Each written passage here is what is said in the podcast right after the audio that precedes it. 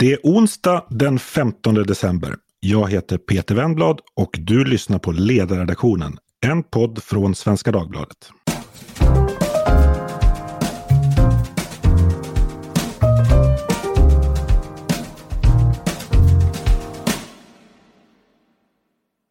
Idag har Ledarpodden besök av Björn af Klen som är journalist på Dagens Nyheter. Och kanske den senaste veckans mest omtalade person i medie-Sverige. Det här efter att Dagens Nyheter i förra veckan publicerade ett långt reportage av Björn om Barbara Bergström, grundare av Internationella Engelska Skolan och hennes man Hans Bergström, som båda fortfarande är delägare i skolan. Det här reportaget har fått enorm uppmärksamhet och spridning och gett upphov till många upprörda reaktioner, inte minst politiska. Jag kan ta ett exempel där journalisten Jens Liljestrand menade att den enligt honom då osympatiska bild av friskoleägarna som framträdde i porträttet kommer ge Socialdemokraterna makten i tio år framåt. Och allra mest har kanske känslorna svallat kring den del av reportaget där Barbara Bergström påstås torka av sig händerna på DNs fotograf efter ett toalettbesök. Men även Björn af Kleen och DN har fått en del kritik för att just den här scenen är felaktigt eller orättvist återgiven och att reportaget var ett medvetet lustmord på två ur PR-perspektiv redan dödsmärkta intervjuoffer. Eh, Björn har tidigare varken kommenterat reaktionerna på reportaget eller bemött kritiken det fått, men nu är han här i SVDs ledarpodd. Välkommen Björn och tack för att du tog dig tid. Eh, varmt tack för intresset. Du, jag tänkte börja med att läsa ett par av de tolkningar som ditt reportage har gett upphov till i andra medier. Eh, den första låter så här. Paret beter sig som en parodi på elaka välfärdskapitalister. Barbara Bergström torkar av sina händer på DN-fotografens skjorta. Tydligare än så blir det knappast en människosyn som gör skillnad på folk och folk. Den andra. Barbara Bergström för sig som en människa som är van att medmänniskor kryper för henne. Så slår en friskolevärldens despot an tonen med ett flabb torkar hon händerna på någon som hon betraktar som underordnad.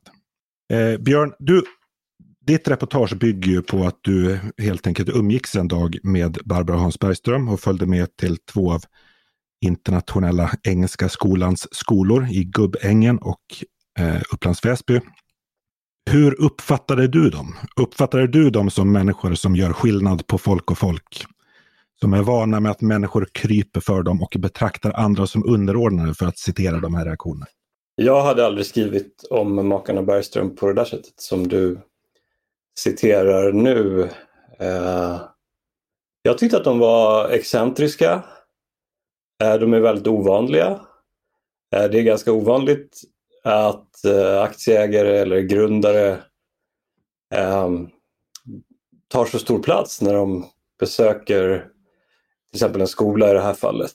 Eh, men jag uppfattar det som en, eh, en medveten strategi från Barbara Bergströms sida att uppträda excentriskt, att ta mycket plats, att synas. Hon har sitt porträtt i varje skola som Internationella Engelska Skolan grundar. Eh, hon vill vara en synlig person. Hon vill att hennes värderingar och hennes stil ska märkas och fortsätta prägla verksamheten. På det sättet så uppfattar jag som ovanliga och spännande att betrakta och följa. Men du såg ingenting, du tycker inte att du såg någonting av det här som säga, uttrycks i de här reaktionerna? Alltså inget despotiskt men eh, de skiljer sig samtidigt från eh, eh mängden uh, i hur de agerar. Uh, mm. Jag försökte resonera lite med dem om det, att de har en skola där uh, man uppmuntrar till disciplin och ordning och reda samtidigt som de själva beter sig ganska färgstarkt och tar sig ganska stora friheter. I debatten har man en ganska aggressiv polemisk stil Jag frågade dem lite om det där, hur, hur, hur tänker ni kring den eventuella motsägelsen att ni har en skola som där ni vill rätta in eleverna i ledet och där det finns eh, kanske lite utrymme för självbestämmande samtidigt som de själva har en, en ganska ja, just excentrisk, ibland gränsöverskridande och högljudd stil och så. Mm. Och då, då svarade Hans ungefär i linje med att det är ett missförstånd att ordning och reda ska leda till liksom en repressiv stil. Att det är tvärtom genom att lära sig behärska eh, regler och ordning och reda så kan man liksom blomma ut och det kan liksom leda till frimodighet på sikt. Eh, så jag, jag uppfattar att, eh, att eh, de, så som de beter sig i skolan så beter sig ju inte elever i internationella engelska skolan. Så på det sättet så kan man säga att det är viss skillnad på folk och folk. Det är en slags hierarkisk syn på hur en skola ska fungera. Där grundaren kan ta sig stora friheter som kanske inte eleverna kan. Men den hierarkiska ordningen är ju en tydlig del av Barbara Bergströms idé om hur en skola ska byggas upp. Och det skriver de ju väldigt tydligt om i, i den här boken, Tough Love. Och att barnen liksom behöver tämjas eller inordna sitt system för annars blir det kaos. Så, så jag menar helt taget ur luften är inte idén att det är skillnad på folk och folk heller.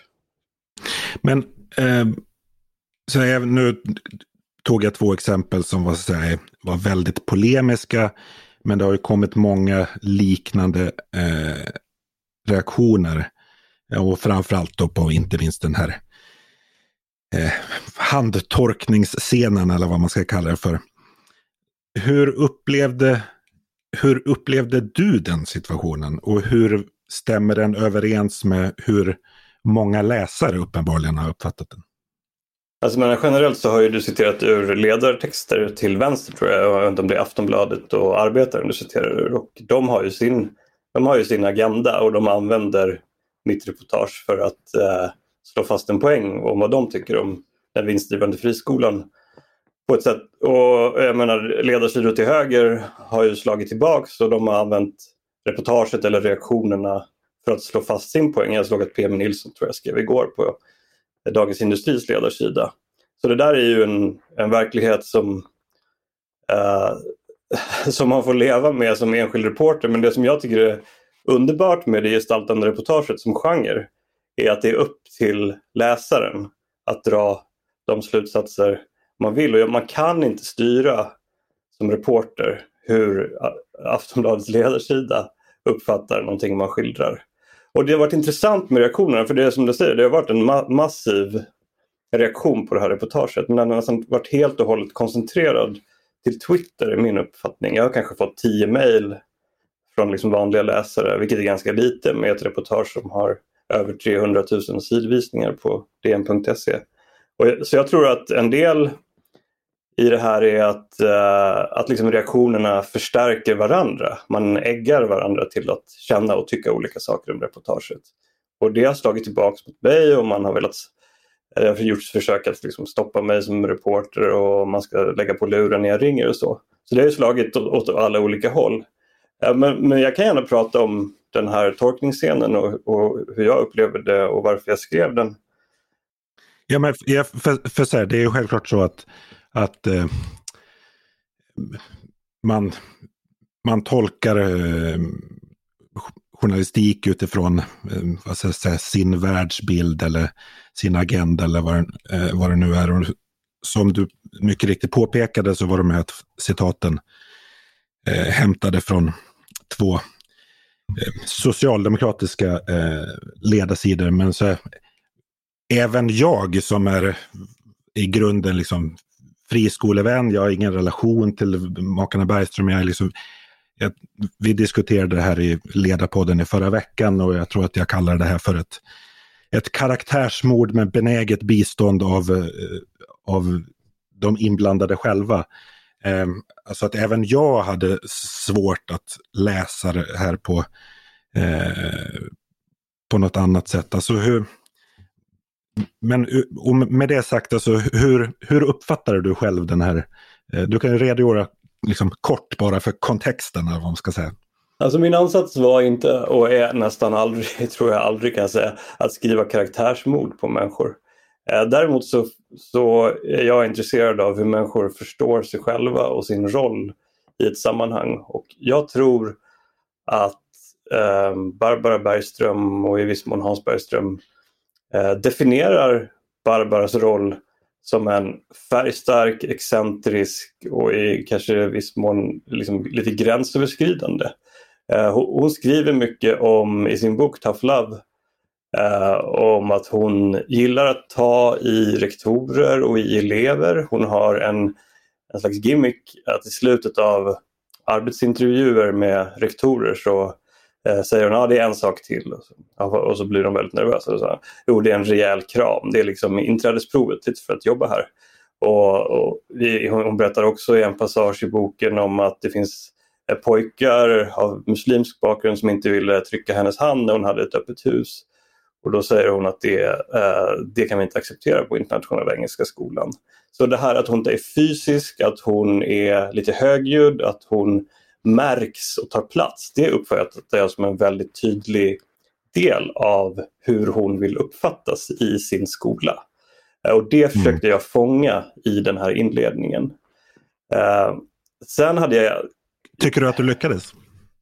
Uh, ja, tycker det. Jag hade inte räknat med att hon skulle torka av sina händer på uh, DN-fotografen Alexander Mahmoud men det var för mig självklart att ta med det när det hände. Uh, och det som gjorde det till ett ganska enkelt beslut var att hon själv i omedelbar anslutning till att det hände kommenterade det. Och det finns mm. Och jag, spelade, jag blir allt mer paranoid ju äldre jag blir så jag använder två mikrofoner så det spelades in. Uh, och um, Naturligtvis kan man uppfatta en scen på olika sätt. Men i det här fallet så hade jag då förstås talat med Alexander om händelsen och Barbara hade kommenterat den i direkt anslutning till att det skedde. Jag spelade upp för dig igår den bandinspelning som jag har av det och där hon eh, säger ganska rakt på sak att, att I rub my hands on your photographer's shirt. Mm. Hon nämnde inte där att det har skett eh, genom en kram eller att det var ett slags missförstånd. Men man kan ändå vara osäker på en scen förstås. Och därför var det väldigt viktigt för mig att visa upp texten i sin helhet inför makarna Bergström innan den gick i tryck. För jag ville försäkra mig om att hon inte tyckte att jag hade karikerat den eller eh, vanställt den här händelsen på något sätt. Precis som du säger så är det ju så. Det har ju varit lite olika diskussioner och lite olika uppgifter om det där om huruvida intervjupersonerna fick läsa artikeln i förväg. Eh, och det fick de ju. Eh, jag har ju själv varit i kontakt med makarna Bergström som säger att så var fallet och det är liksom uppenbart att varken de eller du som var, som var på platsen har liksom sett det här i, i återgivningen som läsarna har sett. Men vad, vad tänker du liksom generellt? Fast jag, Peter, jag tror det är farligt ändå att dra alla läsare över en kant här. Eh, ja, det finns också läsare som tycker att eh, jag har fått mejl om att som tycker att reportaget är för devot. Eh, jag har mött läsare som är sympatiskt inställda till internationella engelska skolan som inte tycker att som inte kände obehag inför sättet som Barbara Bergström porträtteras på. Som tycker att den här scenen som också har blivit omdiskuterad när hon eh, säger till rektorn i matsalen om en flicka som hon tycker bär för urringad topp som tycker att det är precis därför man har barn på internationella engelska skolan, för att det finns en tydlig uppförandekod. Mm. Så även om det, det, om det har varit väldigt många röster som har uh, funnit inledningen obehaglig så är det, uh, jag tycker man ska vara väldigt försiktig med att ändå, uh, det är inte alla som har läst den på det sättet. Och, och huvudpersonerna hade inte heller, så som jag förstår det, läst den på det sättet.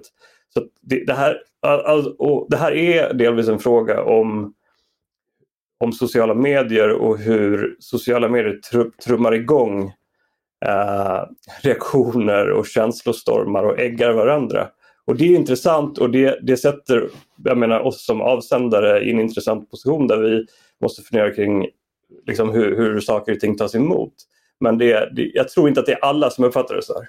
Nej, men för jag tänkte precis komma till det. Alltså, hur ser du liksom generellt på ja, på, på ditt och mitt och andra journalisters ansvar för att ja, i brist på annat använder jag ordet ansvar, alltså vårt ansvar för att in, för inte bara det som står i en eh, artikel utan också hur den tas emot och uppfattas. Alltså vad som står, det vet ju både du och jag, att vad som står är ju inte nödvändigtvis det, detsamma som hur det läses om du förstår vad jag menar. Nej, jag, vet, jag har egentligen inte bra svar på den frågan men den är ju, det är en fråga som pockar på svar. Det som jag försöker göra är att jag försöker skriva en text och jag försöker ta in motröster och jag försöker hitta en balans.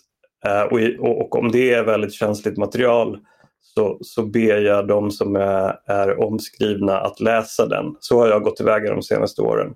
Eh, jag har ofta varit med mm. ibland när, när personen har läst det. Till exempel när jag porträtterade Sara Skyttedal.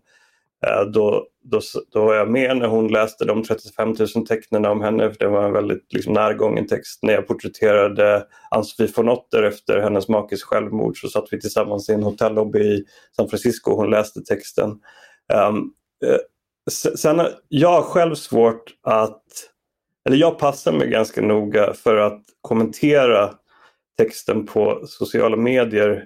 Delvis för att jag vill inte förstärka någon läsares uppfattning av den i ändra riktning. Jag vill inte bli ett tillhygge för varken vänster eller högerkrafter. Det kan uppfattas som lite fegt och så. Men jag tycker själv att den där, de här väldigt starka kollektiva vindarna, oavsett vilken riktning de blåser i, är rätt otäcka. Alltså jag passar mig liksom, och jag, jag har noterat också att väldigt få DN-skribenter har varit ute tror jag i varje fall man kan säga, och vevat i ändra riktning. Just för att mm. man, man, blir lite chockad över hur starka de här eh, känslosvallen är. Ja, men för du säger att det är liksom ett medvetet val från dig att inte alltså, ge dig in i diskussionen eller eh, och, om ditt eget eh, reportage. Samtidigt så har ju, alltså, kan du utveckla varf, varför du gör det? Alltså, ser du Ser du risker med det? Tror du inte att den här diskussionen hade kunnat ta en, en annan, lite annan riktning om, om du inte, vad ska jag säga, inte bara hade släppt den fri utan så här, det, nu har det ju ändå med tiden kommit fram lite eh, kontext kring till exempel den här eh, handtorkningsscenen som, som kanske hade varit bra för förståelsen av, av situationen. Jo, kanske, men jag försöker skriva... Jag försöker, jag, min förhoppning är att, äh, att själva texten ska ge tillräckligt mycket sammanhang för att människor ska kunna bilda sig en uppfattning om vad som har hänt. Äh, vi diskuterade ju väldigt mycket till exempel handtorkningsscenen. Äh, det var viktigt. Vilka, vilka är vi i det här sammanhanget? Ja, jag och redak min redaktör Malena Rydell och fotografen och fotografens chef och andra eh, redaktörer på Dagens Nyheter. Ehm, det var viktigt att det framgick att både Alexander och Barbara var liksom subjekt i texten. Båda skrattar. Eh, jag la till den här meningen eh, vad som helst kan hända i Barbara Bergströms sällskap eller nästan vad som helst kan hända i Barbara mm. Bergströms sällskap. För mig var det ett Eh, ett sätt att försöka beskriva en typ av eh, ja, men nästan liksom karnevalisk sammanhang där, eh, där, där liksom en person tar sig friheter, inte för att vara kanske illasinnad men för att det pågår ett typ av rollspel där hon spelar på något sätt den stora ägaren av skolan och som liksom kan ta sig friheter i sin domän. Så det var, ett, det var liksom just, jag, jag försökte nog ge den kontext som, som fanns. Eh, och därför var det också viktigt för mig att visa texten för dem innan det gick i tryck. Så att de skulle känna igen situationen. Och sen har ju de gett en, mm. en annan bild av den. Den tycker jag, eh, där, där framstår det som att eh, Barbara Bergström gav Alex en kram efter en lång dag i skolan. Och det stämmer inte riktigt med så som jag upplevde scenen, nämligen den skedde efter 45 minuter inne på toaletten. Och det, hon, när hon berättar om den för mig i direkt anslutning, det som jag spelade upp för dig, eh, där, där berättar hon inte om en kram. Hur delaktig var du i liksom valet av rubriker och bilder och, och bildtexter? Eller, och, och hur, hur delaktig är du generellt i det? Liksom? Jag undviker helst att skriva rubriker och jag är nästan aldrig med om att välja ut bilder. Jag var inte med i det här fallet. Varför då? Jag tycker inte att det är mitt jobb. Jag tycker ofta att det blir bättre när en annan person som har en liksom fräsch blick på texten väljer ut vad som ska vara ingången i texten. Um, jag, jag, är inte så bra på det heller. Jag, på något sätt, mitt, jag, jag ser min roll och eventuella begåvningar liksom att skriva scener och ge miljö. Att sätta rubriker är ju, så som jag uppfattar det, ett, en redaktörsbegåvning. Och därför... Ser du någon liksom risk med det? att det, det blir en... Du skriver ju ofta om eh, personer eller, eller ämnen som som är eh, ja, det var ju ingen slump att du ville göra ett porträtt av makarna Bergström eftersom liksom, friskolediskussionen är så pass eh, het. Alltså, hur ser du på risken att det är som när man lämnar över sånt till en redaktör, rubriksättning, alltså inramningen, att, att det tappar liksom kontakten med, med verkligheten? Jo, det kan väl alltid finnas en risk att, man, att, det, att det finns redaktörer som hårdvinklar rubriker eller sätter, väljer ut ofördelaktiga bilder. Jag vet inte om jag uppfattat att den eh, risken var så stor i det här sammanhanget. Jag tror att eh, också att många tycker att de här bilderna är färgstarka och eh, det har ju skett den här rekylen som har skett de senaste dagarna. Där har ju många lyft fram att det behövs mer kvinnor i fuskpäls och i dräkt och som vågar ta plats. Eh, och som inte skäms för sig. Och, och jag menar, Barbara Bergström och Hans Bergström är ju inga duvungar. Det är lite svårt att se dem som offer. Eh, de, jag hörde av mig till dem, det är mycket riktigt, med en fråga om de ville ställa upp på intervju. De valde ut att vi skulle eh, ses i, i deras skolor. Eh, de valde sina kostymer. Eh, de vill att jag skulle få se dem interagera med elever och i, i liksom verklighetens skolmiljö.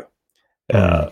och eh, jag menar, de hade ju mycket väl kunnat valt att ses på huvudkontoret i Täby eller ses på ett fik eller någon mycket tråkigare miljö. Så, eh, jag uppfattar inte dem som offer för en brutal eh, kapning. På något sätt. Men eh, jag vet att när, när ni hade, när du hade en dialog med med dem inför eh, publiceringen så vet jag att de skrev till dig, så här, eh, eller det var Hans som skrev till dig att jag är tacksam om du själv också håller koll på rubriker och bildtexter. Liksom urval av bilder. En grovt vinklad rubrik och eller en illvillig bildtext kan sätta hela intrycket som vi båda vet.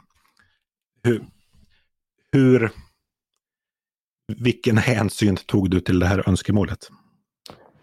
Eh, bildtexterna har jag skrivit själv. Ingen har jag vad jag vet haft synpunkter på dem, att de skulle vara särskilt grova. Jag vet inte, uppfattade du rubriken som, som missledande eller missvisande eller, eller grov? Nej, alltså, jag vet inte riktigt hur jag uppfattar det utan jag utgår bara från som de, de reaktioner som eh, har kommit och att många har eh, uppenbarligen uppfattat det som, som en tillspetsning av, en ganska ordentlig tillspetsning av verkligheten där liksom kombinationen av text och bild och rubrik gjorde det jobbet. Alltså jag, jag tog del av en pdf-fil av reportaget innan det gick i tryck och jag tittade på bilderna. Jag, jag drog inte slutsatsen att det skulle vara för grovt. Jag tror... Alltså jag har blivit kallad ju karaktärsmördare de senaste dagarna och jag, sen jag började på DN 2014 så har jag ju huvudsakligen skrivit om människor med makt. Mm. Och att människor med makt ibland är missnöjda med hur de framställs. Det tror jag är någonting vi får leva med i medierna. På något sätt skulle jag vara mer rädd för om jag hade arbetat tio år med att skriva makthavare och ingen av dem någonsin hade varit missnöjd med hur de framställs. Sen är det ingen som ska liksom Syftet ska inte vara att sänka eller karikera någon men jag kan inte säga att jag har medvetet bidragit till det med den här publiceringen. Alltså det som det som jag varit med om de senaste dagarna däremot är att lobbyister, kommentatorer också människor inifrån partierna har gått ut och varnat för att tala med mig. Den rekylen mm. har jag aldrig tidigare upplevt. Alltså Rebecca Uvell hon skrev inte en enda person borde från och med nu svara när Björn af Kleen ringer. Säg nej, lägg på, svara inte på sms. Och det här var en artikel som Johan Ingerö som är policychef i Ebba Busch partiledarstab retweetade och uttryckte beundran för. Och det har aldrig jag varit med om tidigare i svensk press, att en person högt upp i ett parti går ut och tar ställning för en kommentator som varnar för att tala med en enskild journalist. Samma journalist, eller samma kommentator Rebecca Uvell kommenterade igår en artikel av Karin Olsson om Bergströmaffären med att den var beställd av en slags osynlig Bonnierhand. Det ligger väldigt nära eh, antisemitiska konspirationsteorier där någon högt upp i Bonnier beställer enskilda artiklar av redaktörer och skribenter. Och det tycker jag, att, att, att sprida vidare den typen av material, att legitimera de som tycker det, det tror jag är en livsfarlig utveckling. Men upplever du kritik som du har fått som ett liksom försök att tysta dig eller försvåra ditt arbete? Det är svårt att uppleva den på något annat sätt när det är det de uttryckligen skriver och när de artiklarna förs vidare av personer som Johan Ingre. Det, det, det, det är exakt det som står. Eh, Marcus Uvell lägger ut skärmdumpar av en intervjuförfrågan och säger, och säger att man inte ska svara om jag hör av sig. Det är ju naturligtvis ett sätt att försöka stoppa mig i min yrkesutövning. Sen är jag inte säker på um, att det har den verkan de hoppas på. Jag menar, det är klart att några säkert kommer att uh, lägga på luren eller inte svara. Men jag tror också att det finns andra personer som tycker att det är spännande att tala med en journalist som har det ryktet. Men, oavsett om kritiken som du har fått är motiverad eller inte. Alltså för ett antal år sedan så gjorde jag en, en liknande intervju som den här med eh, journalisten Janne Josefsson. Eh, efter att han hade gjort ett uppmärksammat eh, tv-reportage. Eh, och då berättade han, ja, alltså Janne Josefssons reportage var ju ofta kontroversiella och då vittnade han, han om vad som hände, hände i hans vardag. Så om han gick in på en lunchrestaurang i Göteborg så försvann personalen. Alltså att han hade, hans arbete, oavsett om det var god journalistik eller eh, inte, så gjorde att han hade svårt att få tillgång till, till människor. Hur, hur ser du på den risken för din egen del? Alltså oavsett om kritiken är eh, motiverad eller inte. Så, vad, är du orolig för att inte kunna få tillgång till liksom, personer i ditt journalistiska arbete? Uh, ja, men det är klart att man kan bli orolig för det. Uh, och uh, Arbetet bygger på att människor berättar. Och, mm. Så det, det vore ju otäckt tycker jag om till exempel ett politiskt parti själva vill välja ut vilka journalister de vill tala med. Eh, för att få en mer fördelaktig bevakning. Sen som jag, som jag började berätta så tror jag inte att det nödvändigtvis har den verkan som de hoppas. Jag, igår till exempel besökte jag en tidigare riksdagsledamot på, eh, utanför Linköping och när jag körde upp, han bor på en gård, och så körde jag upp på gården kom han ut och sa Oj, här, här gäller det att hålla tungan rätt i mun, oj, oj, oj, det här kommer bli svettigt. Alltså på ett väldigt muntert sätt. Liksom. Mm. Att, man, att, att det finns också eh, makthavare som tycker det är spännande eh, att, att liksom prata med en person som har ett rykte som självständig journalist. Men förstår du de som eh, försöker undvika det? Alltså när man följer någon under en hel dag på det här sättet som jag gör med makarna Bergström så innebär det naturligtvis en typ av risk för en intervjuperson för att man man har väldigt långa samtal, man kanske har några samtal som är off record, man har liksom en renodlad intervjusituation. Man, det, det, finns ju en risk att man blottar sig i sådana situationer. Um, och jag menar, där, uh, och en sak att en liksom säkerhetsåtgärd eller vad man ska ta är just att låta en person läsa innan det går i tryck.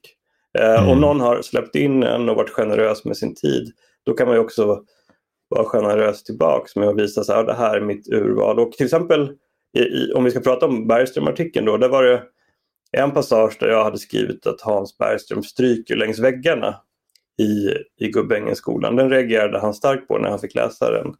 Uh, han, han, tyckte att det var en orättvis beskrivning och han menade att anledningen till att han hade hållit sig undan var att han ville ge mig utrymme att tala med Barbara Bergström. Och det tyckte jag var en, en rättvis invändning.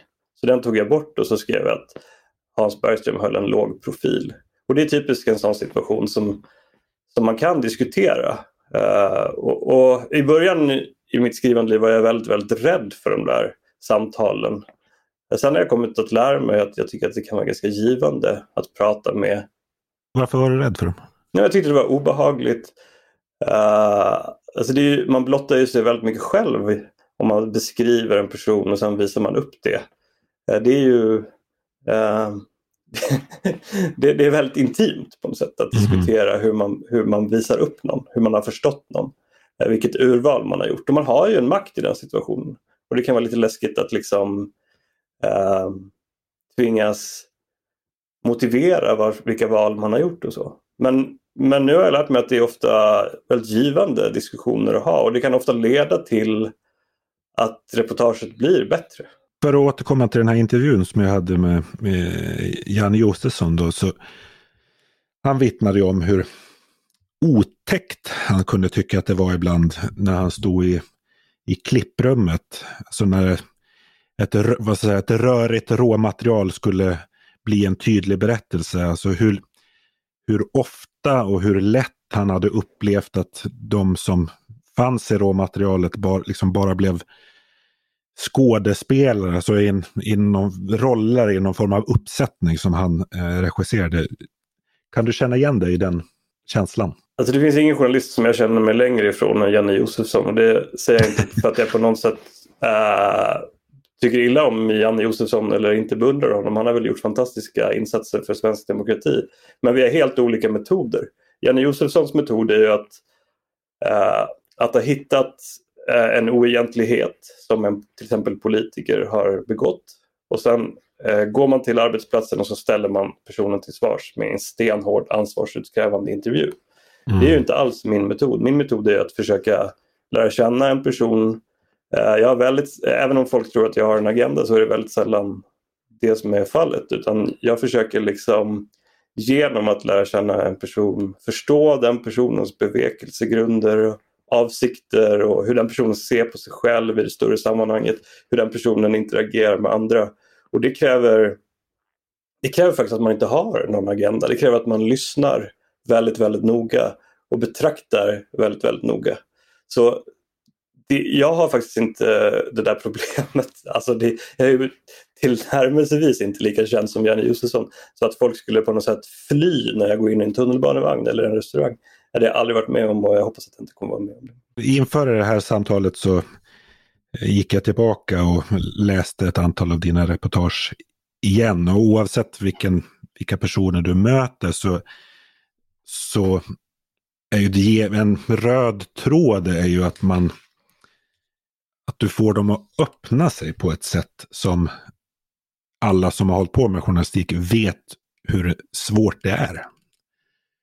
Eh, och ofta på, på ganska kort tid. Alltså hur, hur gör du? Alltså jag önskar att jag hade något väldigt spännande och sexigt att avslöja. Men ett piller på Coop längst in. Nej men jag tror egentligen att det, bara, det finns bara en sak man kan göra och det är att lyssna väldigt, väldigt noga.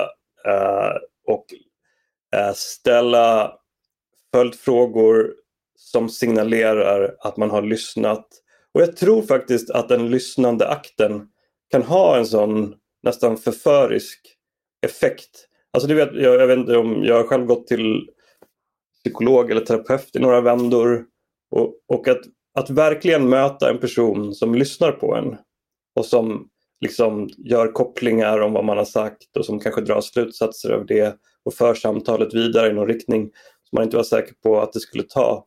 Det, det kan ju vara Eh, det kan ju vara en förförisk upplevelse, till exempel typ när man lär känna en ny partner i början. Det kan också ha, vara, vara fantastiskt. Man kan liksom öppna sig och man kan hitta sidor hos sig själv som man inte visste om eller man kan plötsligt verbalisera saker om sig själv som man inte visste att man kunde verbalisera. Så jag tror att jag har en ganska god förmåga att lyssna eh, och särskilt i upptakten av en intervju. Och sen tror jag att insikten om att en intervju är ett långdistanslopp är, ett bra tips tycker jag. Alltså makthavare har ofta en idé om saker man vill föra fram och saker man vill säga. Om man lyssnar noga på det så kan man sedan börja ett, ett djupare och inligare och mindre automatiserat samtal. Om det är någonting som jag är på jakt efter så är det det liksom spontana, det, det, det icke-döda språket på något sätt. Alltså det är så mm. mycket i den politiska offentligheten som är liksom klarlagt från början. Det här ska vi säga, vi ska säga det på det här sättet. Och det finns inget tråkigare än att skriva sådana reportage tycker jag själv. Jag, jag, jag, om det är någonting jag verkligen försöker så är det att få folk att berätta på ett mer autentiskt sätt. Uh, och det, det, dit kan man bara komma om man lyssnar väldigt noggrant uh, och liksom ställer följdfrågor. Så att personen märker att man har lyssnat noggrant. Och, och det, man måste också vara beredd tror jag att släppa manus helt och hållet. Jag intervjuade Göran Persson för några månader sedan, alltså den, förra, stats, den förra statsministern, tidigare mm. statsminister.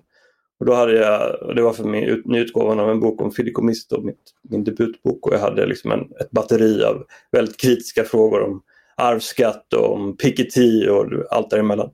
Och, och så bara kom jag in i det här rummet på Swedbanks huvudkontor och så frågade han naturligtvis, varför kallar du dig af Klen, nu har du något gods?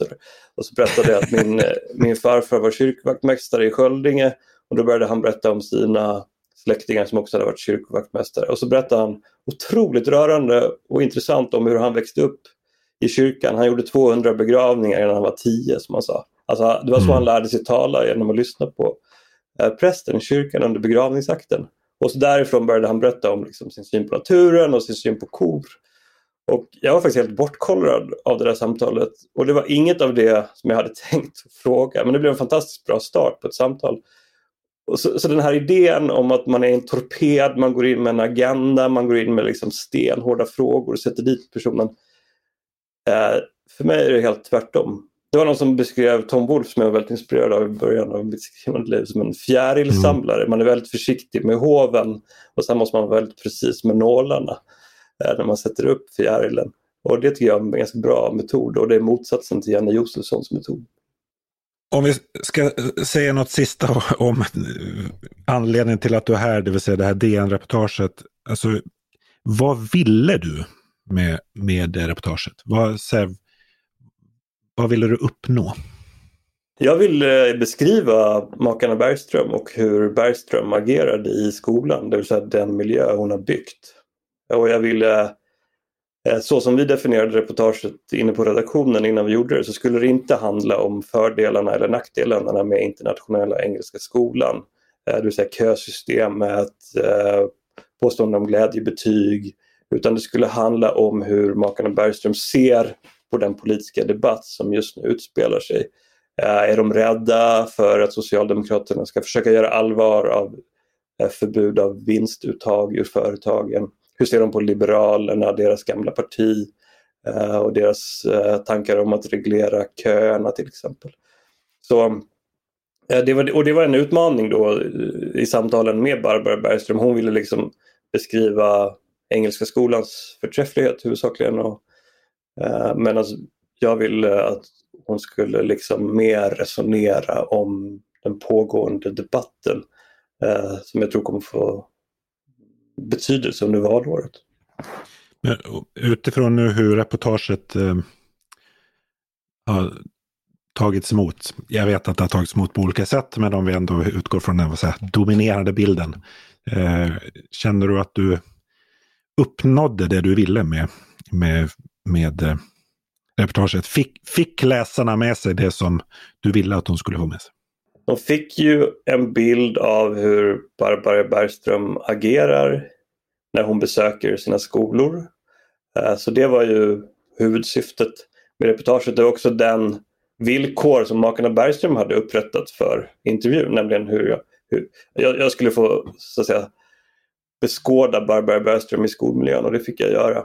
Sen kan man ju, eh, Tove Livendal efterlyste liksom mer kontext kring varför Barbara Bergström agerar som hon gör. Till exempel varför säger hon eh, att en, skol, att, att en flicka i skolmatsalen måste byta topp. Mm. Och jag menar, där, där skulle jag kanske ha kunnat bidragit med, med mer kontext kring hur varför Barbara Bergström vill ha sådana typ av stilkoder i skolan. Så, så jag menar, ett, ett reportage är ju aldrig perfekt eller komplett. Det kan alltid bli mer, det kan alltid bli längre, man kan alltid göra urval. Men, men det som jag tycker är roligast att göra det är att beskriva människor och försöka ta med läsaren till platsen och uppleva något. Och det känns det som jag lyckades med. Vi ska ta en sista fråga. Jag tror att du kommer eh, svara att det är en hypotetisk fråga. Så jag förekommer det och säger att du måste svara på den i alla fall. Skulle du skriva samma reportage igen om du fick möjligheten att skriva om det och utifrån de reaktioner det har gett upphov till? Ja, det skulle jag. Det får bli slutordet. Stort tack för att du tog dig tid Björn och komma till vår ledarpodd. Tack också till er som har lyssnat. Eh, hör gärna av er till ledarsidan svd.se med kommentarer, frågor förslag på framtida ämnen. Ibland är vi lite dåliga på att svara, men bara så ni vet, vi läser allt. Producent för dagens program, det var Jesper Sandström. Tack för idag och på återseende.